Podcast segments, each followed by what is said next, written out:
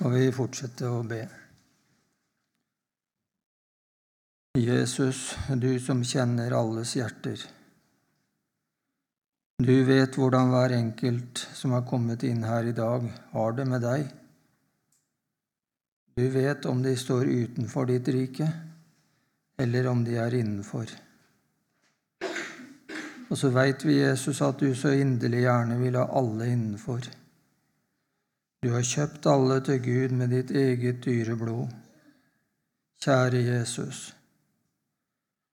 Vi ber om at det budskapet som du har gitt meg å bære fram i denne formiddagsstund, måtte bli som et veldig kall også for dem som står utenfor, om det skulle være noen av dem her.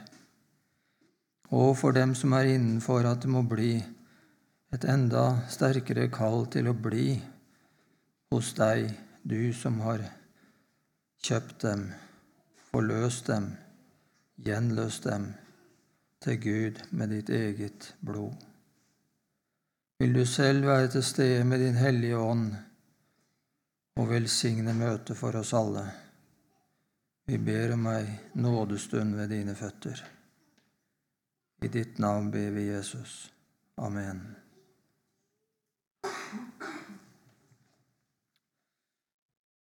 Vi skal lese dagens tekst. Og Den står eh, i Markusevangeliet kapittel 10 og fra vers 17. Markus 10, 17.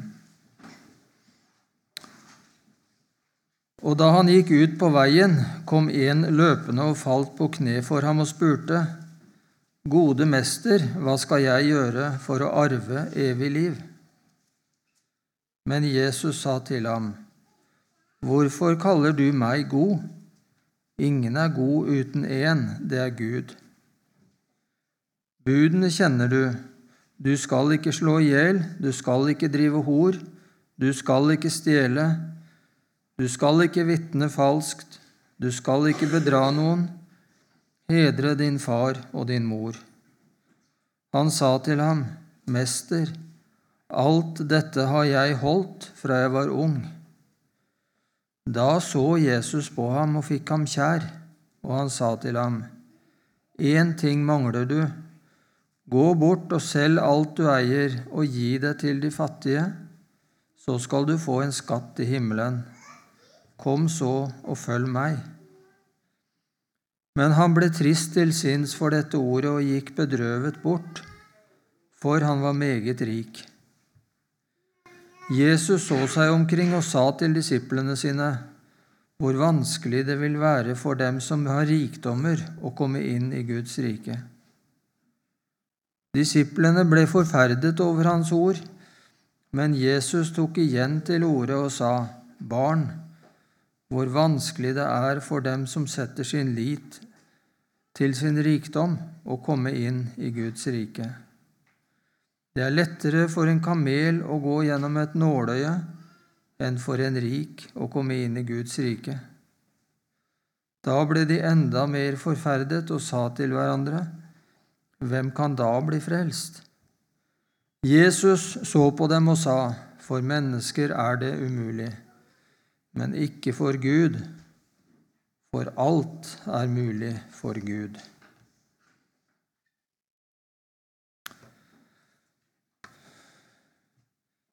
Jeg kommer ikke til å preke så mye over hvert enkelt avsnitt i teksten her, men det er særlig én ting som jeg har blitt stansa opp for.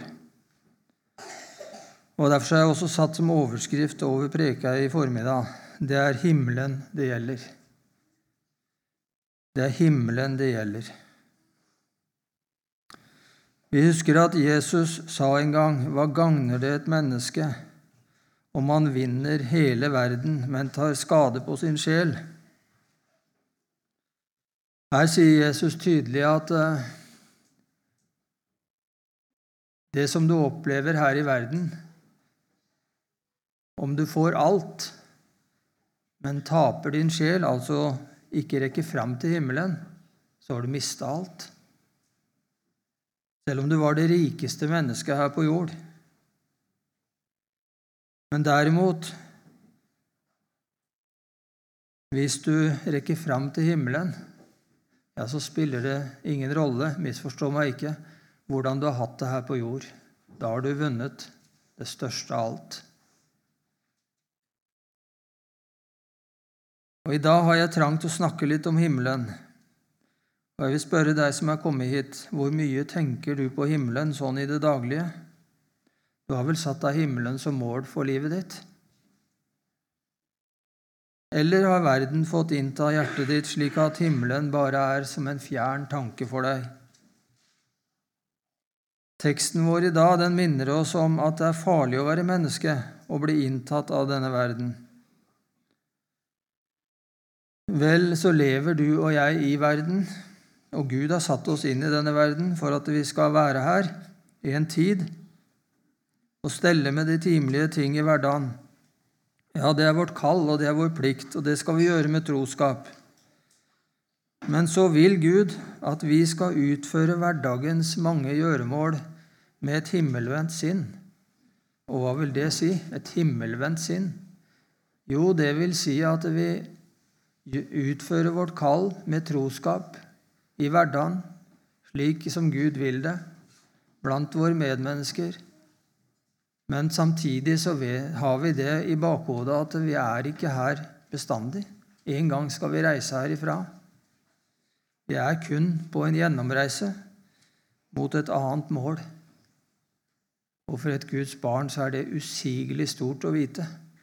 Tenk, det som jeg opplever her, det skal en gang ta slutt. Og så kommer det en himmel som aldri tar slutt. En evighet hjemme hos Gud. Og med det perspektivet over livet, da får du også hjelp til å møte livets mange omskiftelser. Motganger, prøvelser, forskjellige ting som møter deg i livet, som hører menneskelivet til. Du og jeg og hvert eneste menneske står på valg.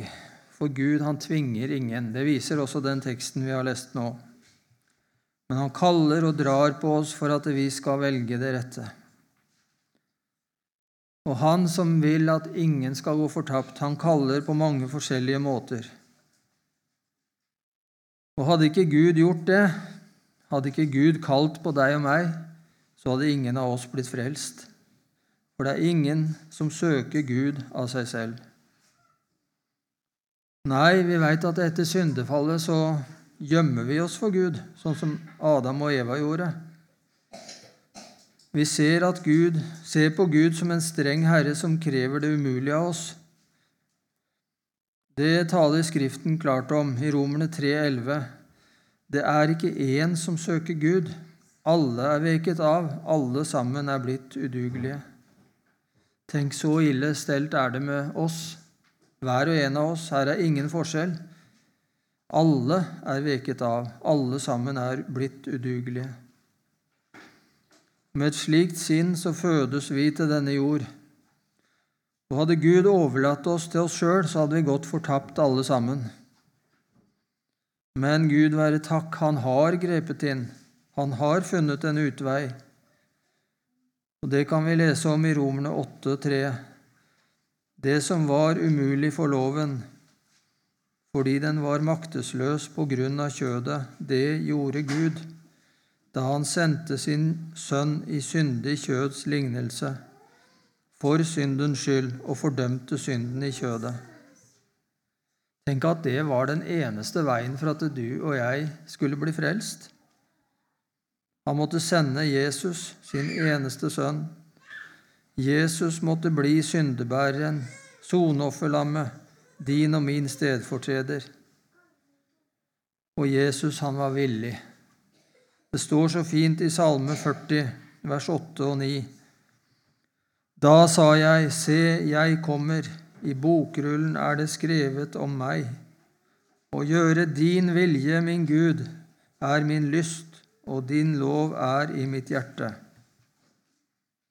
Ja, Jesus han gikk villig lidelsesveien helt fram til Golgata. Og der hang han som den største forbryter mellom to røvere. Han som av Gud ble gjort til din og min synd. Tenk at Jesus måtte gå denne veien. Det var den eneste mulighet hvis du og jeg skulle bli berga. Og etter at Jesus hadde uttalt de tre ord på korset 'Det er fullbrakt', så døde han. Og hva skjedde så? Jo, det står at da revna forhenget i tempelet i to, fra øverst til nederst. Og det taler til oss om at da var skilleveggen, det som skilte oss fra Gud, nå var det tatt bort, og veien inn til Guds himmel er nå åpen. Og det, det, og det er akkurat sånn som det står i en sang, hvem som helst kan bli frelst, som til Gud seg venner. Dette bud Herren Gud ut i verden sender. Nå var det ikke mulig for et eneste menneske å bli frelst. Det var mulig for alle som vil ta imot det som Jesus hadde gjort. Og Jesu egne disipler de var de første som skulle bringe dette gledesbudskapet ut i verden. Og siden har det lydd over den hele jord. Og i dag så kan jeg få lov å stå her på Fossnes og si til deg som sitter og hører Himmeldøra er åpen, og du ønskes velkommen inn av Jesus selv. Hør hva han sier i Johannes 6, 37. Den som kommer til meg, vil jeg slett ikke støte ut. Det er Jesu egne ord. Og i Matteus 11, 28. Kom til meg, alle som strever og har tungt å bære og jeg vil gi dere hvile.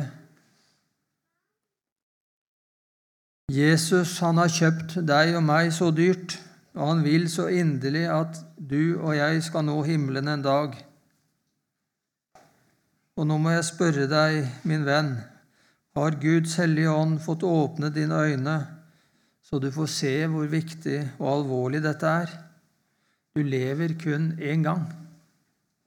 Det er nå du har muligheten, og det er kun én av to muligheter, enten himmelen eller fortapelsen.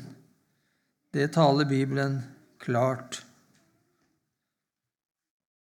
Og jeg vil så innstendig jeg kan få si deg, du lar vel ikke noe hindre deg fra nå himmelen.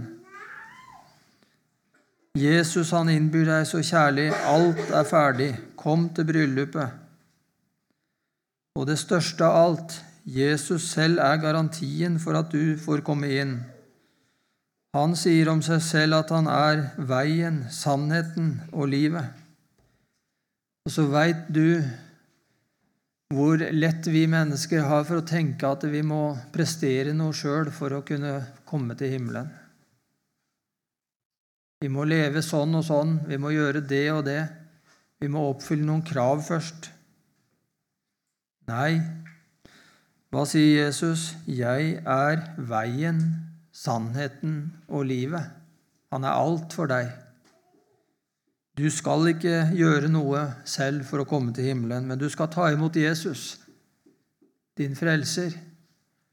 Og jeg tenker om vi kunne få se det, hva vi har i Han, hvilken rikdom, hvilken ufattelig skatt i Jesus.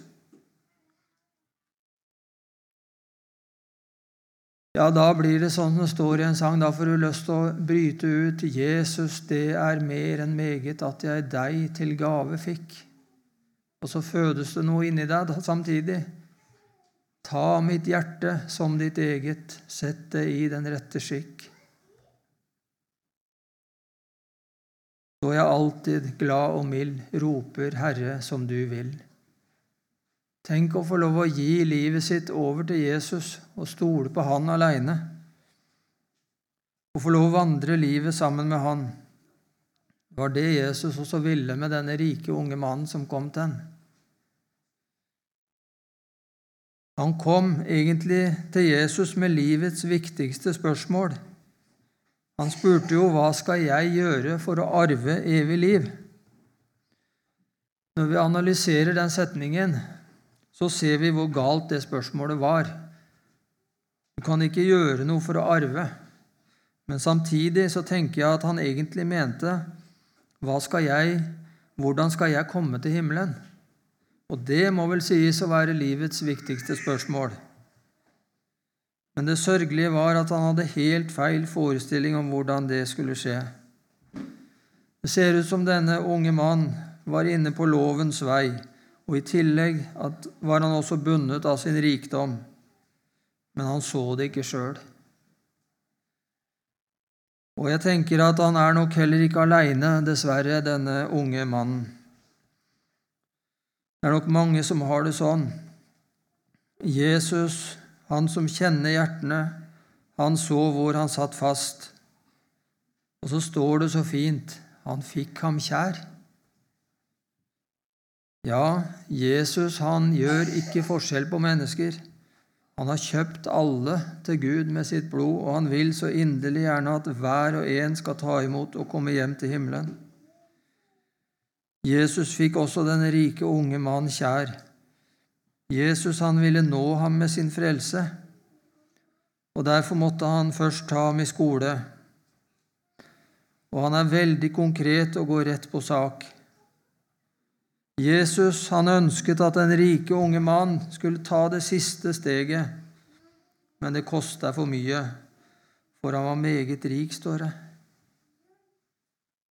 Men jeg tenker, hadde han fått se hva som sto på spill, og hva himmelens herlighet er, ja, så hadde han med glede gitt slipp på alt. Og Sånn er det også med oss som er her i dag. Hvis du og jeg kunne se inn i himmelen, og få se hva som venter Guds barn der hjemme, ja, da tror jeg vi var villige til å forsake alt her i verden for å nå fram til det målet. Og ikke la noe hindre oss. Men for den unge mann så kosta det for mye. Han så ikke. Rikdommen hadde inntatt hjertet hans og blitt en hindring for ham.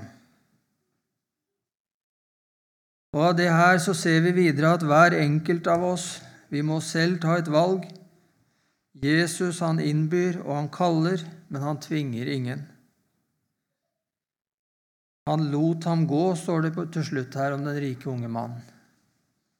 Og den rike unge mann gikk bedrøvet bort. Tenk så tragisk. Himmelen glapp for ham, for han valgte verden. Det kosta for mye. Og slik tror jeg dessverre det er med så mange, ja, vi må si med sorg, at Satan har lykkes i å binde sjelene. Så har han fått blindet øynene deres så de ikke ser. Og nå spør jeg deg som er her i dag, det er vel ikke slik for deg at du velger en kort tids nytelse av denne verden framfor himmelens evige salighet? Men så kan vi spørre hva er himmelen? Og hvordan er det der? Hva sier Bibelen om det? Vi ber jo i Fader vår, Fader vår, du som er i himmelen. Ja, himmelen er Guds bolig. Der har Han reist sin trone, står det i Salme 11,4. I himmelen har Herren sin trone. Og den er også englenes bolig. Jesus sier i Matteus 18,10 at englene er i himmelen og alltid ser min himmelske Fars åsyn. Og om den himmelske trone ser Johannes en engleskare som priser Gud med høy røst. Jesus er også der. Han er Guds sønn fra evighet. Himmelen er hans hjem.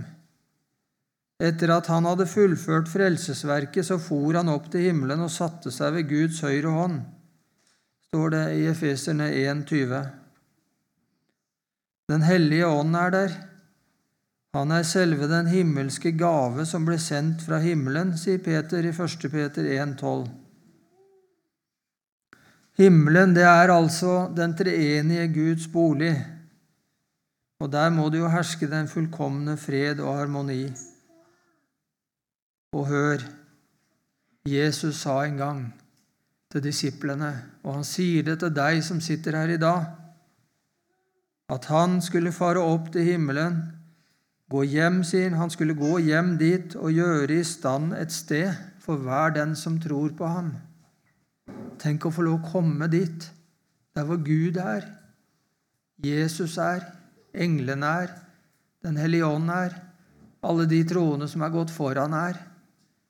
Vil du ikke gjerne ditt? Du er innbudt til bryllup i himmelen.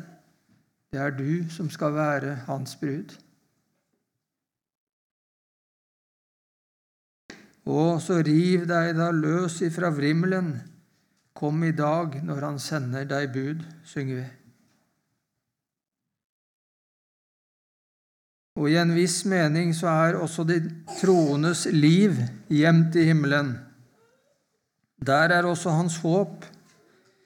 I Kolossebrevet 1,15 står det om det håp som ligger ferdig for dere i himmelen. Tenk det! Det ligger og venter på deg. Der ligger også arven og venter på Guds barn. 1. Peter 1, 3-4 Lovet være Gud, vår Herre Jesu Kristi Far, som etter sin store miskunn har gjenfødt oss til et levende håp ved Jesu Kristi oppstandelse fra de døde, til en arv som er uforgjengelig og uflekket og uvisnelig, og som er gjemt for dere i himlene. Det sier Bibelen. Det er ikke mine ord, men det er Bibelens ord det mest troverdige av alt i denne verden. Jesus han har gjenfødt oss til et levende håp, til en arv som er uforgjengelig og uflekket og uvisnelig, og den er gjemt i himmelen. Der skal du få ta den i eie. Og der i himmelen har også den troende sitt oppstandelseslegeme. I himmelen samler han skatter, står det. I Matteus 6,20.: Samle dere ikke skatter på jorden, men også blir vi oppfordret til å samle oss skatter i himmelen. Og der er den troendes lønn, Lukas 6, 23. og der er hans navn innskrevet, Lukas 10, 20. Ja, i åndelig forstand så er allerede nå den troende satt i himmelen med Kristus. Vel er du her på jord, men du er bare på gjennomreise. Og Gud, han ser deg i Kristus som om du var i himmelen allerede, du som tror på Han. For det står i Efeserbrevet 2 og vers 6.: Han reiste oss opp sammen med ham og satte oss med ham i himmelen i Kristus Jesus. Og i Kolossebrevet 3, 3-4.: dere er jo døde, og deres liv er skjult med Kristus i Gud. Når Kristus, vårt liv, åpenbares, da skal også dere åpenbares med ham i herlighet. Du som tror på Jesus, Gud ser på deg som om det gamle Adam er død og borte. Du har fått del i et nytt liv, et liv i Jesus. Og Gud, han ser deg i Jesus. Tenk at det går an. Og ser Gud det slik, så skal vi også få lov å regne det sånn, selv om vi ser og kjenner på noe helt annet her inne i vårt eget hjerte. Vi skal ikke, skal ikke se på det. Vi skal få regne det sånn som Gud ser det, og Han ser deg i Kristus. Da er du fullkommen, da er du hellig, da er du rein, da er du gjort ferdig til himmelen. Det er, det er, så ufattelige og store ting at det går langt utover hva du og jeg kan begripe. Men jeg tror vi gjør vel i å stanse opp og tenke over disse ting. Og Når vi ser på de gamle sangene i sangboka, så vitner jeg om mange av de at slike tanker om himmelen levde i deres indre. Vi skal ta fram én sang av Brorson. Den står på nummer 869. Der ser vi at Brorson har et himmelvendt sinn mens han lever her på jord. 869. Hvor, godt, hvor det blir godt å lande ved himmelens stille kyst, og ei med tårer blande sin sang ved Jesu bryst, til gledens hjem fra sorgens dal til Faders skjød fra nød og kval, hvor det blir godt å lande ved himmelens stille kyst. I brudgoms favn fra strid og nød, i salig liv foruten død, hvor det blir godt å lande ved himmelens stille kyst. Hvor herlig dog å smake den Herrens salighet, og slippe se tilbake på synd og sorger ned, og skue Gud og gå omkring blant himmelens underfulle ting, hvor herlig dog å smake den Herrens salighet, og herlighet som ingen kan utsie her i støvets land, hvor herlig dog å smake den Herrens salighet. Hvor salig der å bære sin brudekrone skjønn, og synge Herrens ære og få sin nådelønn og høre englers harpelyd når de lovsynger Gud i fryd. Hvor salig det er å bære sin brudekrone skjønn, å være Jesus ganske nær, ja, skue Jesus som han er. Hvor salig det er å bære sin brudekrone skjønn. Og det her det er ikke bare noen fine ord, men det er og blir en virkelighet for den som lever med Jesus og en dag få lov å våkne opp der hjemme.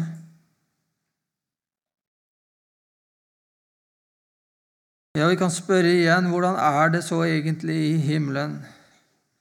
Hvordan blir det å komme dit? Da Johannes satt på øya Patmos forvist, så fikk han i et syn se inn i himmelen. Og Det kan vi lese om i åpenbaringen i kapittel 21 og 22 der brukes det sterke ord for å beskrive himmelens herlighet og skjønnhet. Vi skal ta oss tid til å lese noen av de versene. Slår opp i Johannes' åpenbaring, kapittel 21.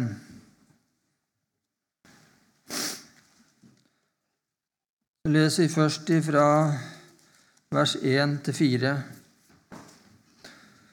Og jeg så en ny himmel og en ny jord for den første himmel og den første jord var veket bort, og havet er ikke mer. Og jeg så den hellige by, det nye Jerusalem, stige ned ut av himmelen fra Gud, gjort i stand som en brud som er prydet for sin brudgom. Fra tronen hørte jeg en høy røst som sa, Se, Guds bolig er hos menneskene, han skal bo hos dem, og de skal være hans folk og Gud selv skal være hos dem og være deres Gud. Han skal tørke bort hver tåre fra deres øyne, og døden skal ikke være mer, ikke sorg og ikke skrik og ikke pine skal være mer, for de første ting er veket bort. Så hopper vi til vers 11. Det står om den nye Jerusalem. Den hadde Guds herlighet. Den strålte som den mest kostbare edelsten, som krystallklar jaspis. Og fra vers 22.: Noe tempel så jeg ikke i byen, for dens tempel er Gud Herren, den allmektige og lammet. Byen trenger ikke lys fra solen eller fra månen, for Guds herlighet opplyser byen, og lammet er dens lys. Folkeslagene skal vandre i byens lys, og kongene på jorden bærer sin herlighet inn i den. Dens porter skal aldri stenges om dagen, for natt skal ikke være der. De skal bære folkeslagenes herlighet og ære inn i den, og ikke noe ureint skal komme inn i byen, og ingen som farer med styggedom og løgn, men bare de som er innskrevet i livets bok hos lammet.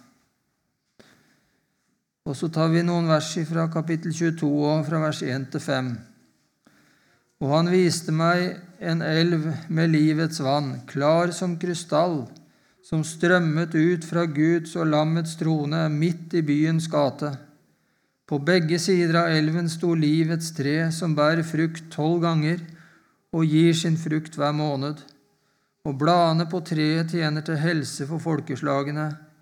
Det skal ikke lenger være noen forbannelse. Guds og lammets trone skal være i byen, og hans tjenere skal tjene ham. De skal se hans åsyn, og hans navn skal være på deres panner. Natt skal ikke være mer, og de trenger ikke lys av lampe og lys av sol. For Gud, Herren, skal selv lyse, skal lyse over dem, og de skal være konger i all evighet. Og så tar vi med noen vers fra kapittel 7 og fra vers 9. Deretter så jeg å se en stor skare som ingen kunne telle, av alle folkeslag og stammer og folk og tungemål. De sto for tronen og for lammet, kledd i lange, hvite kapper og med palmegrener i sine hender. Og de ropte med høy røst og sa, Frelsen tilhører vår Gud, Han som sitter på tronen og lammet. Alle englene sto omkring tronen og om de eldste, om de fire livsvesener og de falt ned for tronen på sitt ansikt og tilba, og tilba Gud og sa, Amen, velsignelsen og herligheten og visdommen og takken og æren og makten og styrken tilhører vår Gud i all evighet. Amen. Og en av de eldste tok til orde og sa til meg, Disse som er kledd i de lange, hvite kappene, hvem er de, og hvor er de kommet fra? Jeg sa til ham, Herre, du vet det.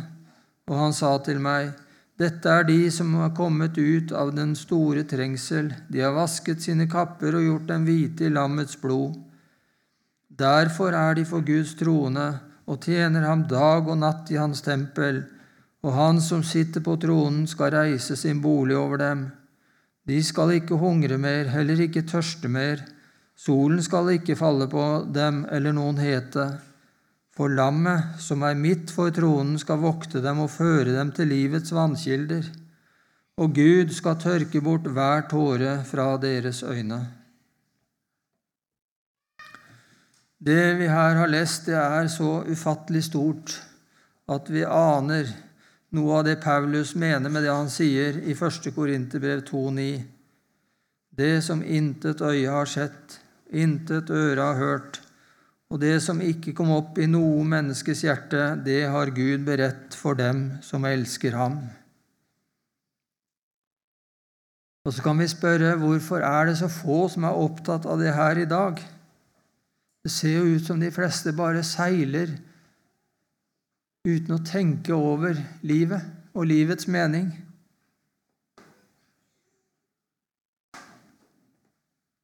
Det er Satans bedrag, alt sammen. Han blinder menneskenes øyne så de ikke får se sannheten. Men du og jeg som har satt oss himmelen som mål, ser vi det da? Når vi leser sånne avsnitt fra Bibelen som vi har lest nå, da det, kjenner jeg i hvert fall for meg egne akkurat som det detter et slør fra øynene, og så aner jeg noe av det. Og Jeg tror det er hemmeligheten. Vi må leve i ordet, venner. Vi må bruke Guds ord flittig. Minne hverandre om det, samtale om det, dele det med hverandre. For det er ordet som er med på å dra oss mot himmelen.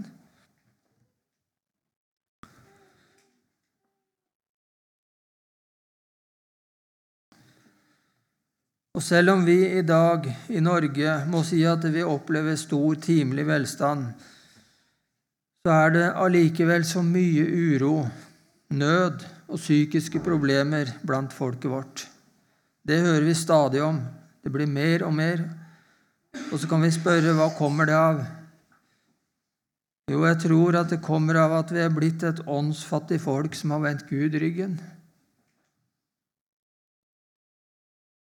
Johan Arnt, han som har skrevet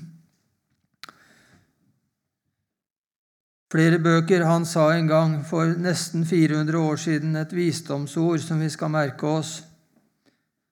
Menneskets sjel finner ikke hvile før den vender tilbake til sitt opphav, som er Gud. Hørte du det? Menneskets sjel finner ikke hvile før den vender tilbake til sitt opphav, som er Gud. For sannheten, det er nemlig den at Hvert eneste menneske er skapt med en udødelig sjel, som er ment til å leve i samfunn med sin skaper og Herre. Det var Guds mening da han skapte deg og meg. Og derfor så blir det en dyp og kanskje uforklarlig uro og lengsel i sjelen hos det mennesket som lever borte fra Gud. Og så søker mennesket på forskjellige måter å stille denne uro med mange slags timelige fornøyelser og tomt tidsfordriv. Men så opplever de at det blir bare et jag etter mer og mer, mens den indre tomheten bare vokser og tiltar. Du skjønner at et liv uten Gud, det gir ingen hvile, det gir ingen mening. For da har du overlatt fullstendig til deg sjøl. Men så er det så ganske annerledes for et Guds barn som lever i syndsforlatelsens rike fra dag til dag. Også et Guds barn er gjenstand for syndens følger og opplever mye sorg, uro og bekymringer og vanskeligheter av mange forskjellige slag, men det er allikevel en stor forskjell. Den som lever med Herren, er aldri overlatt til seg sjøl, aldri aleine. Tenk på det. Selv om du kanskje kan føle deg ensom, så er du aldri aleine du som lever med Gud. For du veit at du alltid har en allmektig Gud å betro deg til. Og jeg sier alltid, for Gud er der til enhver tid. Han er en Gud som aldri svikter sitt kjempende barn. Han er en Gud som både kan og vil hjelpe i all nød. Det gjelder mens du lever her på jord, og det største av alt Du vet ut ifra Guds ord at det venter deg en himmel, en evig salighet hjemme hos Gud når det livet her en gang tar slutt. Der er alt det vonde borte og glemt for evig. Og den som lever med Herren, kan selv gjennom tårer synge Sangen på nummer 885, Min fremtidsdag er lys og lang, den rekker bakom tidens tvang, der Gud og lammet selv jeg ser, og ingen nød skal være mer. En evig arv hos Gud jeg har, i himmelen er den i forvar, og under prøvetiden her jeg får av Gud hva nyttig er. Pris være Gud som styrer så at jeg urolig ei skal gå. For meg han alltid sørge vil i alt som her kan støte til. Så har jeg fred i sinn og sjel og synger glad når alt er vel. Jeg vandrer ved min Faders hånd, han leder meg til livets land.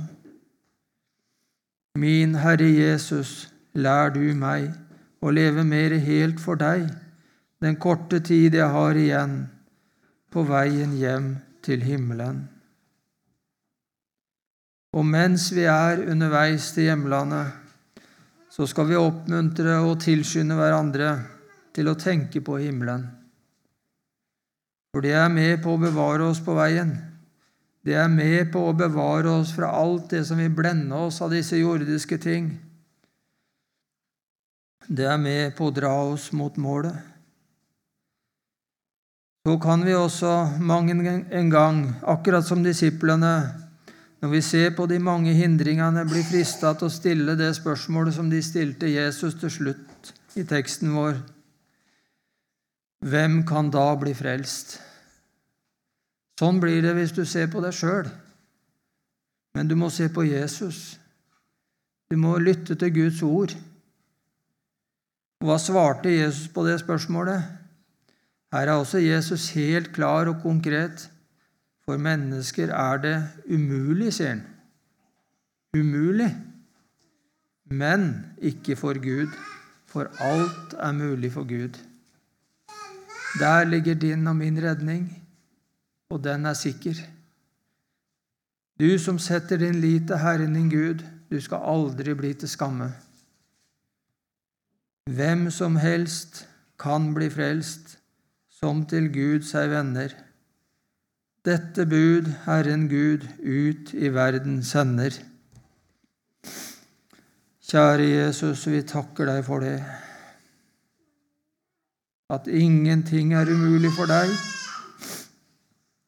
Det som ser håpløst ut for oss, det vet du råd med, Jesus. Du gjorde det en gang for alle da du gikk din bitre gang til Golgata. Der lå alle våre synder på deg.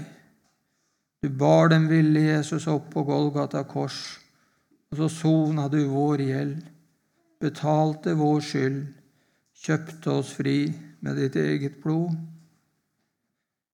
Kjære Jesus, la ingen av oss som har vært samla her i formiddag, gå glipp av det du har gjort for oss. Bevar oss på veien, Jesus, og led oss trygt mot målet. Så ber vi også for alle dem som ikke har tatt imot deg. Du døde også for dem, Jesus, de av våre kjære som vi tenker på og ber for. Må du ikke bli trett av våre bønner. Må du kalle på dem og dra dem inn til deg før det blir for seint, så vi kan få lov å bli i himmelen sammen vi som var det her på jord. Amen.